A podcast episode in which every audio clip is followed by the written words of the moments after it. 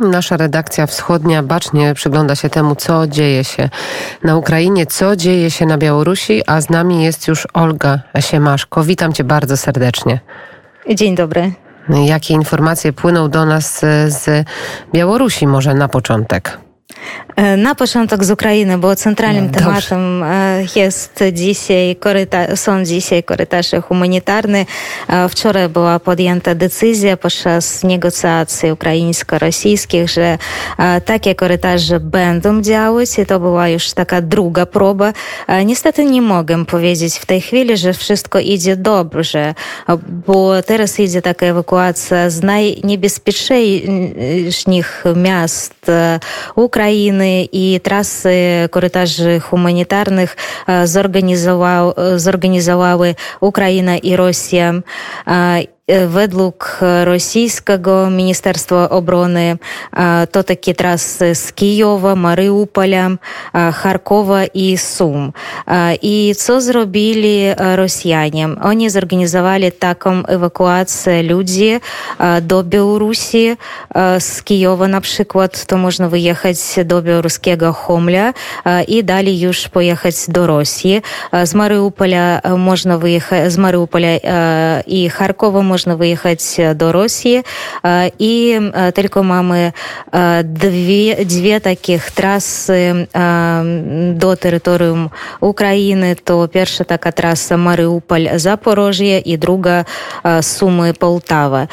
Jeszcze jutro, jeszcze rano była taka informacja, że Ukraina uzgodniła tylko trasę Sumy-Poltawa i już po południu otrzymaliśmy potwierdzenie, że będzie działy jeszcze taka jeszcze taka trasa z Mariupola do Zaporoża.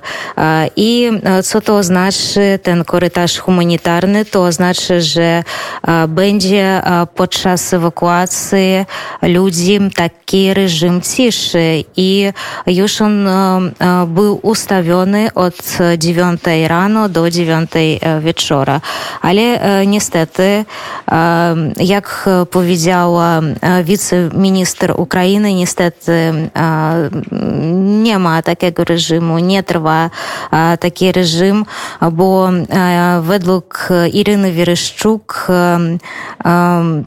30 autobusów już pojechało do Mariupola, by wywieźć stamtąd ludność cywilną i w regionie Mariupola w ogóle jest obecna 300 tysięcy osób, w tym dzieci i osoby chore i korytarz w ogóle ten został otwarty za pośrednictwem Czerwonego Krzyża i na całej trasie zakłada taki reżim ciszy.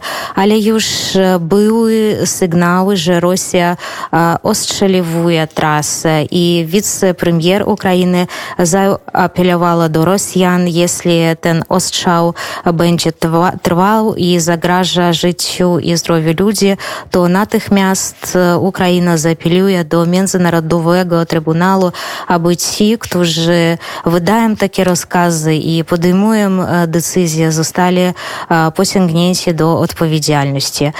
Jedna taka ewakuacja z Sum udała się, ale teraz już mam informację, że druga kolumna z ludnością cywilną Sum, ona zaplanowana była na, godzin, na godzinę 13 czasu ukraińskiego, nie wyjechała, bo rosyjskie czołgi otworzyli ogień w kierunku wyjścia Sum i autobusy z ludźmi teraz stoją na parkingu.